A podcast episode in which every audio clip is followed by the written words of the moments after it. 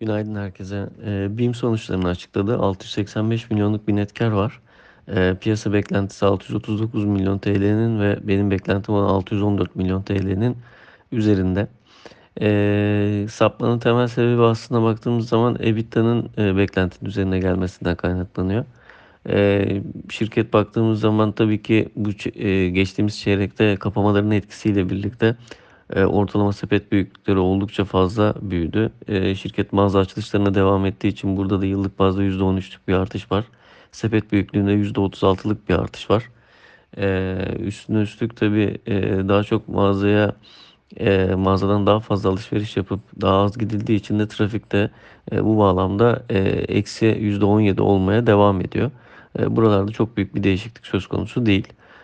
Ben sonuçları genel olarak olumlu buldum. E, bugün de yine e, hissenin bence olumlu e, performans göstermesini bekliyorum. İkinci çeyrekte de yine kapamaların e, devam etmesiyle evde tüketim yine şirketin finansallarına olumlu yansımasını bekliyorum. Modelde yapmış olduğum değişiklikler sonrasında tabii ki risksiz faiz oranını yukarı doğru revize ettiğim için e, 85 lira olan hedef fiyatım 82'ye doğru revize oldu. Ancak alt tavsiyesini devam ettiriyorum.